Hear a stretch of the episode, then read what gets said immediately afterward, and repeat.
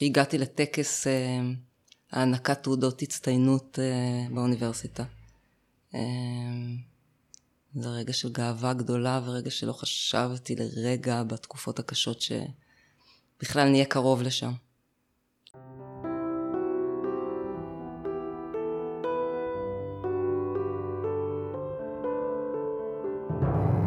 שלום, אני טלי אשר, ואתם על מי רוצה נס, פודקאסט שנועד להכיר לכם מקרוב את החיים לצד התמודדות נפשית.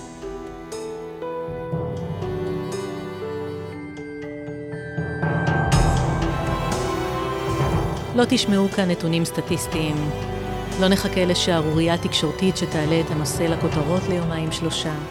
אנחנו כאן באופן קבוע, נכנסים ליומיום, לחדרי חדרים, ובעיקר לחדרי הלב.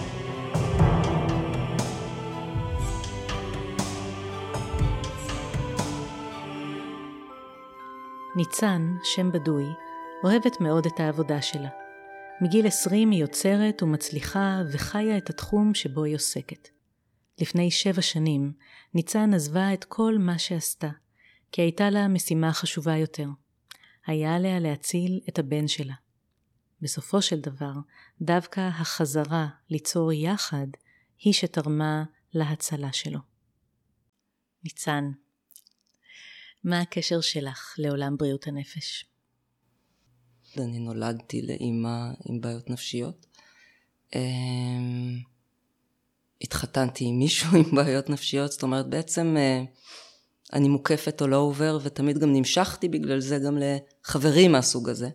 אבל כשזה נוגע לילדים שלנו, אה, זה הכי כואב. מתי הבנת שבנך מתמודד? עברו כבר שבע או שמונה שנים מאז. בכלל, כשהילדים שלי היו קטנים זה היה פחד אה, שהלך איתי לכל מקום וכל הזמן. Mm. אה, בגלל ההיסטוריה המשפחתית, בגלל שגם אני באתי מבית עם רקע כזה, גם הגרוש שלי בא מרקע כזה, וגם כי הוא עצמו היו לו בעיות שהוא סירב להתמודד איתם. והרגישות היוצאת דופן של הילדים שלי, השילוב של כל הדברים האלה ביחד גרם לזה שזה אמ, כל הזמן היה כמו איזה משהו שישב לי על הכתף. התבוננת, חיפשת, כל בל... הזמן התבוננתי וחיפשתי, אבל אני אודה שדווקא הילד הספציפי הזה, שבסופו של דבר נפל הכי קשה, פשוט ידע להסתיר מאוד טוב. Mm. אבל הוא היה צריך להגיע לנקודה מאוד מאוד מאוד קשה, ובעצם אני חושבת שהוא לא יצא מהארון, זאת אומרת, הוא היה אז עם בת זוג מהממת, שהוציאה אותו מהארון. זאת אומרת, היא פשוט אמרה... מהארון הנפשי. כן, כן, מהארון הנפשי. כן. זה אומר, אה, היא באה ואמרה לו, או שאתה מספר להורים שלך, או שאני מספרת להורים שלך. עשתה איתו חסד. לגמרי. כשאת מבינה שהנה, הדבר ש... קצת נולדת לתוכו, מבחינת המשפחה שאת מספרת שגדלת בה, וגם שאת שנים בעצם מדמיינת אולי את איך זה ייראה אם, ובולשת אחרי האם יש סימנים, והנה, אה, אשר יגורת בא לך. הכחשה מוחלטת. Mm-hmm.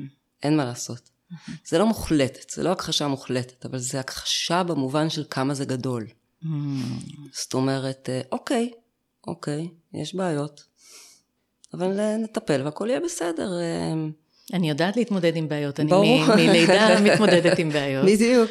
כן. אז אוקיי, אז גם הייתי מאוד מאוד בעולם ה...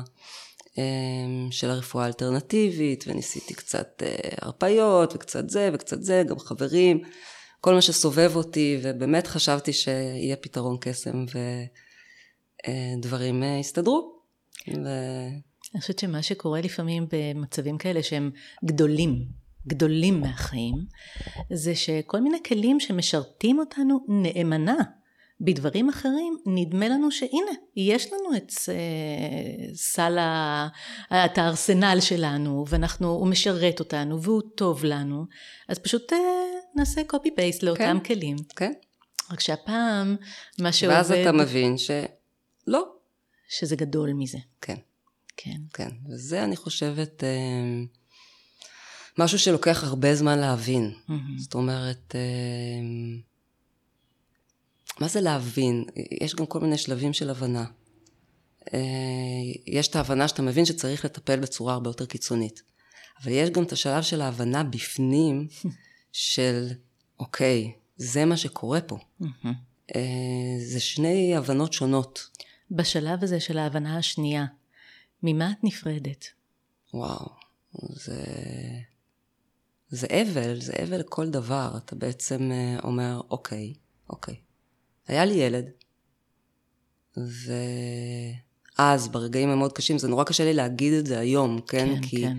תודה לאל, אני היום מדברת ממקום שהוא נמצא במקום טוב, אבל um, היו רגעים, רגעים, ימים, שבועות, חודשים, שאמרתי, אוקיי, אני צריכה ללמוד לקבל את זה שהיה ילד ואיננו עוד, ועכשיו יש פה ילד אחר, שאני צריכה ללמוד לאהוב אותו, לקבל אותו, להכיר אותו. Um, זה מה יש. ואתה בעצם עובר איזשהו תהליך מקביל של התמודדות עם מה שיש, והתמודדות עם אבל מאוד מאוד גדול. אני חושבת אפילו בהקשר הזה של אבל, אבל דורש את השלבים שלו, את האנרגיה בדיוק. שלו, צריך להתמסר לתהליך של אבל, אבל איך אפשר? נכון? את צריכה עכשיו אה, לטפל, לתמוך, להציל מישהו שדורש את כל כולך. נכון. איך זה מתגלה בסופו של דבר?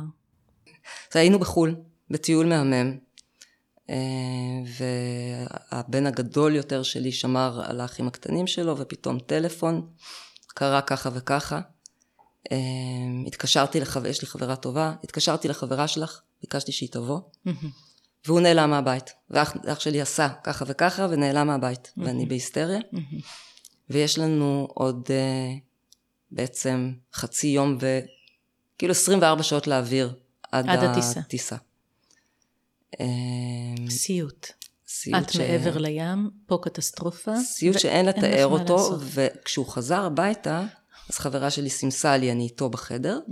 אני זוכרת שהשעה הייתה תשע בלילה, בערב, והיא לא ענתה לי עד שתיים לפנות בוקר. זאת אומרת, ידעתי שהיא יושבת איתו, והיא עכשיו שומעת את כל הדברים שאני לא שומעת ואני לא יודעת.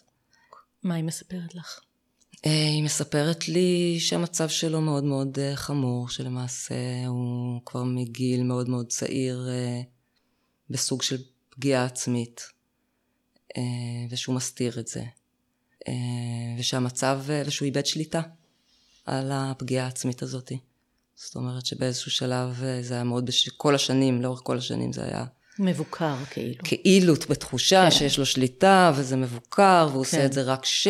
ופתאום אה, הוא מבין שהכל מתפורר, מתפורר לו והוא לא מצליח להחזיק את עצמו והוא איבד שליטה על הדבר הזה והוא צריך עזרה, הוא מבין שהוא צריך עזרה.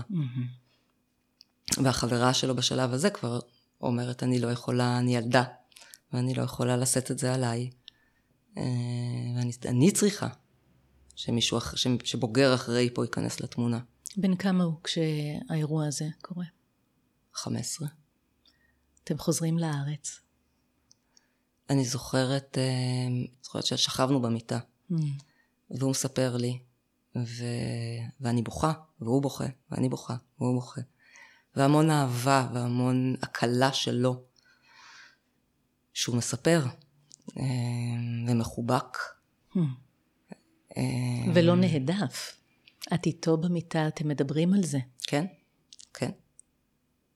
אה, את זה אני זוכרת מאוד מאוד טוב. אבל אני גם זוכרת את הלה-לה לנד קצת שבא בהמשך. אנחנו יכולים ביחד לנצח את זה. ברור.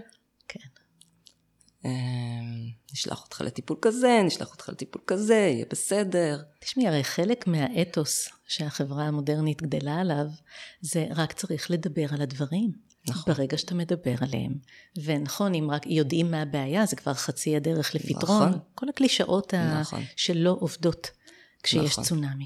ולא רק זה, את יודעת מה, את עכשיו אומרת לי משהו אחר, אני בכלל יש לי איזה אנטי מאוד מאוד מאוד גדול בשנים האחרונות לפסיכולוגיה חיובית. כן. אה, אני חושבת שהיא עושה נזק. אה, את יכולה להגדיר את הנזק הזה? את יודעת מה, אני אלך למקום אחר בכלל, לא קשור אה, לילד שלי. אה, איפה ראיתי את זה? אה, אצל חברה מאוד מאוד טובה, שאני כבר בתור בן אדם שיש לו סיסמוגרף מאוד מאוד גדול לבעיות נפשיות, קלטתי שהיא בדיכאון. ואמרתי לה, תקשיבי, את בדיכאון, את לא סתם עצובה, את לא סתם uh, בוכה, את לא סתם בתקופה שקצת קשה לך, את בדיכאון, וזה בסדר. ואת יכולה לקחת כדורים, את יודעת, זה כמו לקחת ציפרלקס, כמו אקמול, למה שתסבלי? כאילו קחי, יהיה לך כוח, תמשיכי הלאה. וההתנגדות mm-hmm. הכל כך גדולה שלה, להגיד על עצמה שיש איזושהי בעיה, נובעת, והיא בעיקר, זאת אומרת, היא בעיקר בן אדם שחי מאוד בעולם הרוחני, ובעולם של הפסיכולוגיה החיובית, ושאנחנו, אם נחשוב טוב. אם אתה יכול לחלום את זה, אתה יכול להגשים את זה. בדיוק, ואנחנו צריכים לחשוב חיובי, כן. ואנחנו. אה, לא יכולים להרשות לעצמנו ליפול, כי... ו, ולראות את זה על בן אדם כל כך אינטליגנט, שאני כל כך מעריכה, אה, ושכל כך אני רוצה בטובתו, ולעמוד מול קיר, שאני שומעת את העדים של כל השטויות האלה, סליחה, mm-hmm.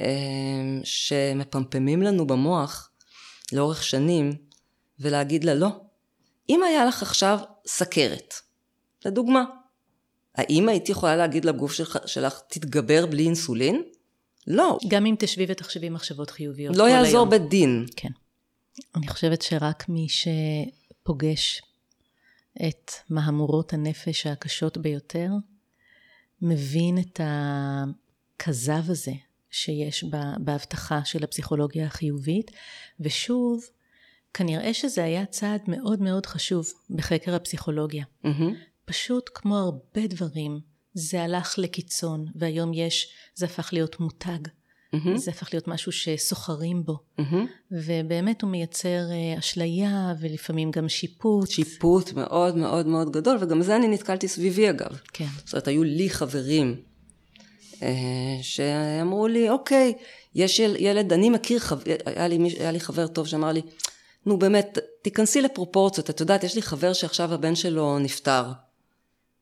Uh, ואני כל הזמן שומע אותך uh, בקושי. עם קושי, ועם... תנסי קצת לצאת רגע מהקושי הזה, רגע תסתכלי על מה כן יש. Mm. אנחנו לא חברים מאז. כן.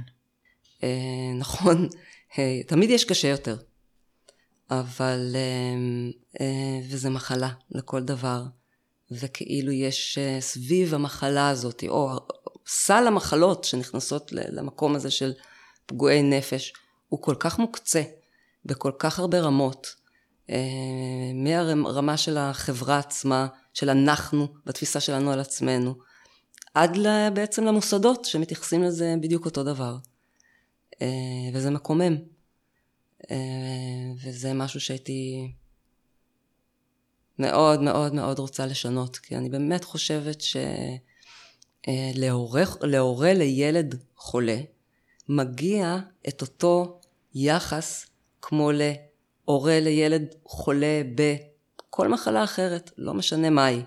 כי לפעמים זה דיכאון קל, לפעמים זה פגיעה עצמית, לפעמים זה סכיזופרניה, יש המון דברים. הרבה פעמים אם הנפש שלנו חולה, זה בכלל מעיד על הגוף שלנו שחולה, ולהפך. זה הכל קשור לאותו דבר, ולכן אי אפשר לעשות כזאת הפרדה דיכוטומית. ויש גם עוד עניין, יש שימוש במושגים. זאת אומרת, יואו, אני בדיכאון היום.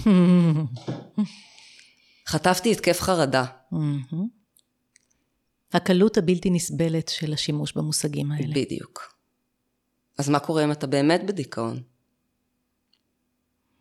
את יודעת, הייתה לא מזמן סדרת סרטונים של אנשים ידועים, אני חושבת בעיקר מעולם הפוליטיקה, ואולי לא רק, שסיפרו על התקפי חרדה, על תקופות באמת של דיכאון, וזה נועד uh, לסבר את האוזן לציבור הרחב ובדיוק לעשות את התהליך המקרב הזה, ולומר כן כולנו בסופו של דבר בתוך התמודדות. זה מבורך ומסוכן בעת ובעונה אחת. בדיוק. בדיוק. כי יש, אה, סליחה על המינוח, אבל אין לי דרך אחרת אה, ל- ל- להבהיר את הנקודה הזו, אבל יש דיכאון שמחליק טוב בגרון. Mm-hmm. זה פשוט תקופה אה, שהייתי בדיכאון, ואכן לקחתי כדורים בתקופה הזו, והנה היום אני שר, שר מצליח, כן?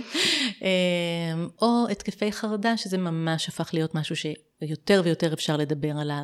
דוגמנית, שנראית נפלא, הקריירה שלה משגשגת, והיא אומרת, בטח, כן, פה ושם אני מתמודדת עם התקפי חרדה, זה באמת לא פשוט. אבל זהו. התמודדות נפש היא לא מצטלמת טוב, היא לא יפהפייה, היא לא תמיד בשגשוג. לוקח הרבה מאוד כדי שיהיו רגעי חסד בתוך התמודדות, וזה משהו שהחברה לא מסוגלת עדיין לעכל. נכון. זה לא יפה בשום צורה, זה לא מצטלם טוב. נכון. ועדיין חשוב לתווך את זה. נכון. אנחנו חוזרות לסיטואציה שאת עם הבן שלך, אתם בתחילת הדרך, את עדיין אומרת, בסדר, זה אתגר, אני ידעתי שהוא ידפוק על הדלת שלי בשלב כלשהו בחיים, mm-hmm. ועכשיו אני בתוכו. מתי את מבינה שסל הכלים שלך, ש... שהארגז ששירת אותך בדברים אחרים פחות רלוונטי ושהדברים נשמטים לך? אמ, אני חושבת שלזה לקח מספר חודשים. באיזשהו שלב אנחנו מבינים שאנחנו בסרט אחר, וזה כבר, אמ, אנחנו כבר כמובן שולחים אותו לפסיכולוגית. למזלנו, באמת זה נס שקרה לנו בחיים, אה, שבאמת הגענו למישהי שהיא, וואו, אין לי מילים. Mm-hmm. אין לי מילים לתאר כמה אני חווה אה, לאישה הזאת, אה, שהיא באמת פסיכולוגית אה, יוצאת דופן. אה, והוא מתחיל שם טיפול, כמובן במקביל לטיפול פסיכיאטרי. אה, אבל זה רק ההתחלה, זאת אומרת, אה, אנחנו מפה והלאה בעצם נכנסים למסע שאורך אה, מספר רב של שנים, שלתוך המסע הזה כמובן כל המשפחה נכנסת לתוך המסע הזה, וזה מה שאנשים גם לא מבינים. ושוב אני עושה את ההקבלה over and over again למה קורה כשילד אחר חולה, זאת אומרת, יש לי בת דודה שהבן שלה חלה ב... היה לו גידול בראש, ואני זוכרת את ההתמודדות של המשפחה, ואני זוכרת כמה זה דובר, וכמה זה היה... התגייסו. כן, וכמה זה גם היה מאוד הגיוני, שהאחים חווים, ומה הוא חווה, ומה זה חווה. ופה שוב, אין את הפריביל... אין את ה...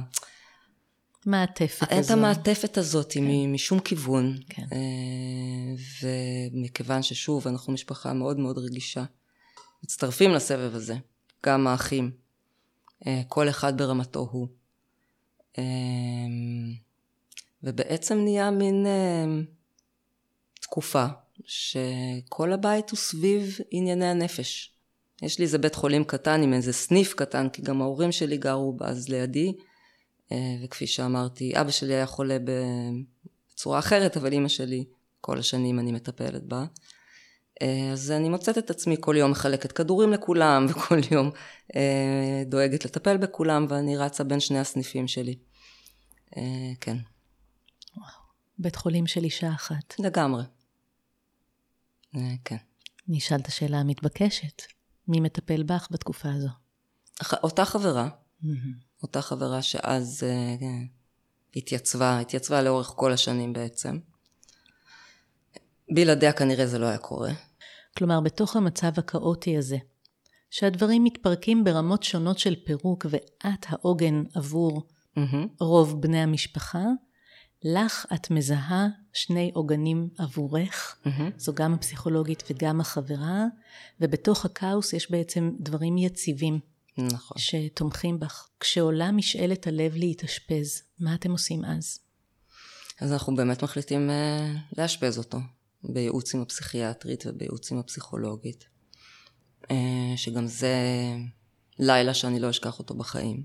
כאילו אנחנו חוזרים מהפסיכולוגית בערב, אמ, הגרוש שלי נרדם, שזה בעצם... ואני והבן שלי ערים כל הלילה. ומדברים ובוכים ומדברים ובוכים ומדברים ובוכים. ולפני זה בעצם. הלכנו לדבר עם האחים שלו, אחד אחד, להסביר להם מה קורה. אבל אז הגענו, אז הגענו ל... אמ, ציונה, ועושים לנו סיבוב, ואיך שעושים לנו סיבוב, אני מתחילה להבין שלא יקרה. אני לא, אני לא משאירה אותו שם. זאת אומרת, אני רואה אה, איך המקום נראה, ואני רואה את הילדים, ואת החדר שבו בעצם כשיש התקפי זעם, סוגרים אותם בחדר הזה. אבל ברגע שאנחנו נכנסים בהסכמה, ותוך, והוא מגיע למצב שהוא נכנס להתקף זעם ומכניסים אותו לאותו חדר סגור, בעצם הוא עובר להיות של המדינה, ואני כבר לא יכולה להחליט אם אני רוצה להוציא אותו או לא. זהו, נכון. איבדתי אותו. כן. עכשיו, ברגע שאני מבינה את זה, ואני רואה מה קורה מסביב, את הילדים שפוגעים בעצמם, את, הצ... את הצעקות מסביב, את החתכים של הילדים, את החדר ההוא, את החצר שיוצאים פעם ביום לעשן, וזה שאין טלפון, אני אומרת לעצמי, כל הדברים האלה, ברור שהם יביאו אותו להתקף זעם. זאת אומרת, איך לא? ואם הם יביאו אותו להתקף זעם, זאת אומרת, הוא לא חוזר הבא, לא יקרה. לא יקרה. וברגע הזה אני מבינה שזה לא יקרה. וברגע הזה אני מבינה שאני צריכה למצוא כוחות מחודשים. למזלי הייתה שם פסיכיאטרית מהממת, אני לא זוכרת מה שמה. אני זוכרת שנכנסנו אליה לחדר ושאלתי אותה. אמרתי לה, ואם לא? ואם אני מחליטה שזה לא? אז היא אמרה לי, תראי, תמיד עדיף, אם יש את הכסף, את המשאבים ואת היכולת להחזיק בבית, או בכל מסגרת אחרת שהיא פרטית, עדיף. ובאותו רגע קיבלתי החלטה שלא משנה מה, זה מה שאני הולכת לעשות. את הופכת להיות מחלקה סגורה. בדיוק. לפעמים שעות שהוא נמצא בהתקף ואני לא מעיזה לעזוב אותו, הוא נמצא במרפסת שבכלל אפשר לקפוץ ממנה והוא מעשן. אז אני לא יכולה לעזוב אותו לעשות פיפי. צריך לסמן לאיזה מישהו שיגיע רגע להחליף אותי, אם בכלל. כל אה, השנים האלה הוא הולך לבית הספר או שזה לא קיים? לא, לא, הם, הם, זה קיים. Mm-hmm. וואו, על הבית ספר יש לי המון מה לדבר, שגם זה מקום מאוד כואב. אה, מלבד אישה אחת מהממת שאני גם חייב, סליחה, היא עוד עוגן מתוך העוגנים. שבזכותה, תכלס יש לילד הזה בגרות מלאה בזכותה. י"ב הייתה השנה הכי קשה, אבל בזכותה אה, הצלחנו. זאת אומרת, הייתי מביאה אותו לשיעורים, יושבת בחוץ באוטו, מחכה שהוא יסיים. אני חייבת לומר לך רגע משהו. העובדה שבתוך המציאות הכאוטית, את אה, סופגת הרבה מפחי נפש מהסביבה, אמרת, ציינת ככה ברמיזה משפחה מורחבת, או איך, איך בכלל, איך, גם אנשי טיפול, וגם בתוך הבית לא קל. את מזהה את הדמויות המיטיבות, mm-hmm. ואת יודעת למקסם את הקשר איתן, mm-hmm. ככה שהן יהיו גם כמו תומכות של שולחן, תומכות בכל הסצנריו הזה שאת מארגנת עבור הבן שלך. זאת יכולת מדהימה שלך. את אומרת, רגע, פה יש כוחות שהם mm-hmm. יכולים להיות חלק מהפאזל mm-hmm. הזה שאני מרכיבה. Mm-hmm. אז אני, אני רוצה להגיד, זה, זו, זו יכולת uh, מבורכת. וגם את אומרת, אני כבר נסעתי לבית הספר, חיכיתי בחוץ, אני הייתי בעצם בית החולים, המחלקה הסגורה, ללכת mm-hmm. לשירותים, הייתי צריכה שמישהו יחליף, יחליף אותי. את מגויסת במאה אחוזים. מה קורה לחיים שלך? מה משתנה אצלך? לא, אין חיים. יש חיים, אבל החיים סובביב, סביב דברים אקוטיים שצריך לטפל בהם. גם בבן הזה, גם בבנים האחרים, שכמו שציינתי, כל אחד פה... אה, יותר הגדול עבר גם תקופה מאוד מאוד קשה, שני האחרים, אני עם הקטן, היום אני משלם את המחיר. זאת אומרת, אה, הוא כן היה יכול להעיד על עצמו, והוא מעיד על עצמו, שהיו ימים שבהם הוא היה בן שבע, שמונה, היה יושב בסלון, אה, יודע שאני נמצאת, שיש שני חדרים שבהם אני מתפעלת התקפים. אה, אבא שלו נכנס לדיכאון מאוד מאוד עמוק בתקופה הזאת, אז גם את זה הוא זיהה. זאת אומרת, הוא ידע שאבא זה לא כתובת. והוא מספר על תקופות שהוא היה רעב, והוא ידע שאין מה לעשות, אמא עכשיו צריכה לטפל בדברים יותר חשובים ממני. ואני אחכה, אם זה עד 11 בלילה, אם זה עד 12 בלילה, ואני אהיה רעב. ואני זוכרת את עצמי עוברת ורואה אותו. עם המחשב היה לו, כאילו, הוא גם היה אוטם את עצמו. Mm-hmm. כאילו היה לו את המחשב עם אוזניות. אוזניות, כן. כדי לא לשמוע ולא לראות, כי היו מראות קשים מאוד בבית. ואני יודעת מה המחירים שהוא הולך לשלם, ואני יודעת מה הולך לקרות עוד כמה, ואין לי שום דרך לעשות, זאת אומרת, אם את אומרת ידעתי לרתום, פה, פה למשל, ראיתי, ידעתי, ולא היה לי מה לעשות. זאת אומרת, גם היום כשאני אחזור, אם אני אחזור אחורה, כן. אני עצמי היית נוהגת אותו דבר, כי היה מקרה חירום שצריך היה עכשיו להציל אותו. כן. בידיעה מוחלטת שאת פוגעת ב... בילד אחר שלך. כן. שזה נורא. אני חושבת שבסיטואציות כאלה גם זה מאוד מדייק איפה את נמצאת ואיפה את לא נמצאת, במה את מושקעת ובמה את mm-hmm. לא מושקעת. כמו שתיארת אפילו קודם את uh, חלוקת המשאבים שלך בין הבן הצעיר לבן היותר mm-hmm. גדול, uh, האם אני עכשיו עובדת או לא, אני עכשיו uh, באשפוז בית שכל, אני הבית mm-hmm. לצורך העניין. אני חושבת שיש בזה משהו שהוא מאוד כמו סמן כזה, שעוזר לך להבין איפה את צריכה להימצא, ונשמע שאת היית מאוד קשובה לסמן הפנימי הזה. מתי את מבינה, אחרי שבועות וחודשים ושנים, שאת מתמסרת לעזרה הזו, לטיפול, מתי את מבינה שיש סיכוי לריפוי, שיש סיכוי ל... למקם אחרת את הבן שלך, ליחסים אחרים בינו לבין החיים שלו? אני לא יודעת, אתה, אתה תופס הצלחות, כל הצלחה קטנה, באמת. תני דוגמה להצלחה איזה קטנה. איזה יום שהוא הצליח לעשות את הבגרות. Mm. לא יודעת, יום שהוא, הוא, שיש בו שעתיים שלוש הוא טיפה יותר חיוני, יותר מתקשר עם הסביבה. אמ, שיחות שלנו, שהיו, שפתאום אני שומעת בהם את הכוחות שלו, את הרצון שלו. זאת אומרת, אמ, את התקווה שלו. שמדביקה אותי. אז מתי את מבינה שיש את כל הרגעים האלה, עם האופטימיות, את מזהה כל חסד, כל הצלחה. יש, יש נקודה שאת אומרת, יכול להיות שאנחנו כבר אחרי הצונאמי. אני אגיד לך, אנחנו נמצאים באותו מקצוע. אה, והיה איזשהו שלב שקיבלתי סכום כסף כדי להניע איזשהו פרויקט שלי. והוא עדיין היה באשפוז בית. ופה יש דילמה מאוד מאוד גדולה, כי לזכות במה שאני זכיתי mm. זה סוג של זכייה בלוטו, זה... באמת אני לא יכולה להגיד לך כמה אחוז, כמה סטטיסטית אה, אה, הסיכוי לקבל כסף בשביל פרויקט כזה הוא באמת אפסי. ולוותר עליו זה לא היה... זה לא אפשרות. לא אפשרות. כן. מצד שני, יש לי ילד ב... אבל גם ילד שהוא, שאני, שמבחינה מקצועית, אני סומכת עליו לא פחות מאשר על עצמי, אוקיי? ואני מגיעה לראש הפרויקט, למי שאמור לנהל את זה, ואני אומרת לו, תשמע, זה המצב. זו פעם ראשונה שאת אה, אומרת... חושפת כן. בכלל. אוקיי. שיש עניין.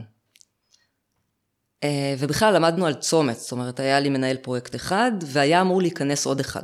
זאת אומרת, אה, היינו בדיוק במשא ומתן עם עוד מישהו. ובא אותו מנהל פרויקט ואני מציגה לו את העניין והוא אמר לי לא יקרה. לא יקרה. אין דבר כזה, מה את babies, כאילו, את לא, זה, זה פרויקט שאת צריכה להיות בו 24-7, את לא יכולה לעשות את זה, את לא יכולה לעשות את זה עם אה, בייביסיטר, לא יקרה. ואם את הולכת להגיד לשותף השלישי שלנו, אני מפוצצת את העסקה. ובכל זאת, קבענו פגישה עם השותף השלישי, ואותו שותף שלישי היה בינינו כימיה מאוד מאוד גדולה, וקבענו פגישה בנפרד. ובאותה פגישה, ובאתי ישר, שמתי את הקלפים על השולחן. ואמרתי לו, זה אמר ככה, שותף שלנו זה אמר ככה, אני אומרת לך שזה מה שהוא אמר, שאסור לי להגיד לך את זה, אבל זה המצב. אם אתם רוצים שזה מה שזה יקרה, אם לא, אז לא. הוא אמר לי, מה זאת אומרת? ברור, הוא הבן שלך. איזה שאלה בכלל. אני לא מבין. מה העניין? ואז בעצם התחלנו לעבוד. וזה התחיל מתפקוד של שעתיים ביום, שלוש שעות ביום. Hmm. אה, וגם היו לנו רגעי קסם משוגעים, זאת אומרת, אה, היינו צריכים לנסוע לכל מיני מקומות בארץ. אה, אנחנו נוסעים וישנים בכל מיני אכסניות ובכל מיני מקומות. ו... פתאום הצמד הזה של המטפלת והמטופל, בדיוק. צוות שוויוני, יוצר משהו בדיוק, חדש, בדיוק, כל החיוניות בדיוק. פתאום זורמת בעורקים. והתקפי צחוק וואו. שאין לתאר. וואו. ופתאום יש לנו ימים של כיף גדול. אם התחלנו מזה של, אוקיי, אין ברירה, הוא חייב לבוא איתי כי הוא באשפוז, זה הגיע לשותפות מלאה בסופו של דבר. כשהגיע היום ובו בעצם סיימנו את הפרויקט והצגנו אותו לאותו מנהל פרויקט ראשון שאיתו התחלנו, זה היה מתח משוגע, והוא לאורך כל הדבר הזה מדבר עם הבן שלי כשותף מלא. וואו. הוא מדבר אליו בכלל, הוא לא מדבר אליי. כאילו, הוא, הוא בשנייה יצר איתו איזושהי תקשורת, זה היה... וזה היה רגע שבכלל לא עניין אותי, שהצלחנו בפרויקט, זה בכלל לא עניין אותי. זה היה... הפרויקט היותר זה היה חשוב הפרויקט, הצליח. בדיוק. וואו. זה מבחינתי היה הרגע. אני מקווה שאת uh, מתבוננת במראה hmm. ומכירה בכוחות שלך ובמעשה ההצלה שעשית. ואני שומעת את המחירים. כן. אני מבינה את זה. כן. וזה לצד זה. כן. זה לצד זה. ואפילו השיחה הזו עם השותף השני, שאמר, מה זאת אומרת? זה הבן שלך. אפילו פה את שמעת לא כל כך רומס מהשותף הראשון, ומצאת בתוכך את היכולת לשטוח את הסיפור הזה מחדש, להיות נאמנה לעצמך, עד שזה הגיע לאוזניים הנכונות, נכון. שאפשרו בסופו של דבר את הריפוי. נכון. על ידי יצירה. היום הוא מצליח. טפו טפו. הוא עצמאי. אנחנו מאחלות לו רק טוב. לגמרי. ואני שואלת, ההתקמבקות שלך לעצמך, mm-hmm. למה את מתגעגעת? הגעגוע למשהו מאוד מאוד משוחרר. אה, לצחוק בלי שיש איזה חוטים מקשרים לאיזה פחד, לחץ, משהו בתמימות. כשקורה משהו כזה, החיים מתנגשים בך בעצם. וכשהחיים מתנגשים בך יותר מדי פעמים, אז אתה מאבד משהו מהתמימות הזאת. איזה נס יש בחיים שלך? וואו, יש המון ניסים. אה, דבר ראשון, דיברנו על הנס הגדול מכולם, שהילד שלי, תודה לאל, בסדר. אה, שסך הכל הם בסדר, עם הכל, כולם, אה, עם ההתמודדויות. וזכיתי בזוגיות חדשה שהיא זכייה בלוטו ברמות אחרות. וזכיתי לסיים את הפרויקט הזה. יש המון, המון. הניסים, ניסים קורים כל הזמן. את מחוללת אותם, ולאיזה נס את עוד מייחלת? שיהיה לנו שנים של שקט, של שנים שבאמת נדע ליהנות מ- מ- מהפירות שעבדנו עליהם כל כך קשה. תודה רבה, ניצן. תודה לך. תודה גדולה לניצן, תודה לצחי אשר, שאחראי על הסאונד ובאופן כללי על האהבה בחיי. תודה לכם ולכן על ההקשבה הנדיבה ועל התגובות החמות. מי רוצה נס נמצא בכל אפליקציות הפודקאסטים, ספוטיפיי, iTunes, Google Podcast או כל אפליקציה אחרת. אפשר למצוא את כל הפרקים גם באתר שלי, טליאשר.קום, ולעקוב אחריי בפייסבוק. כדי להתארח בפודקאסט, להגיב או להמליץ על מישהו אחר, שילחו לי הודעה באתר. ועד הפעם הבאה, שיהיה לכם ולכן כמה שיותר נס.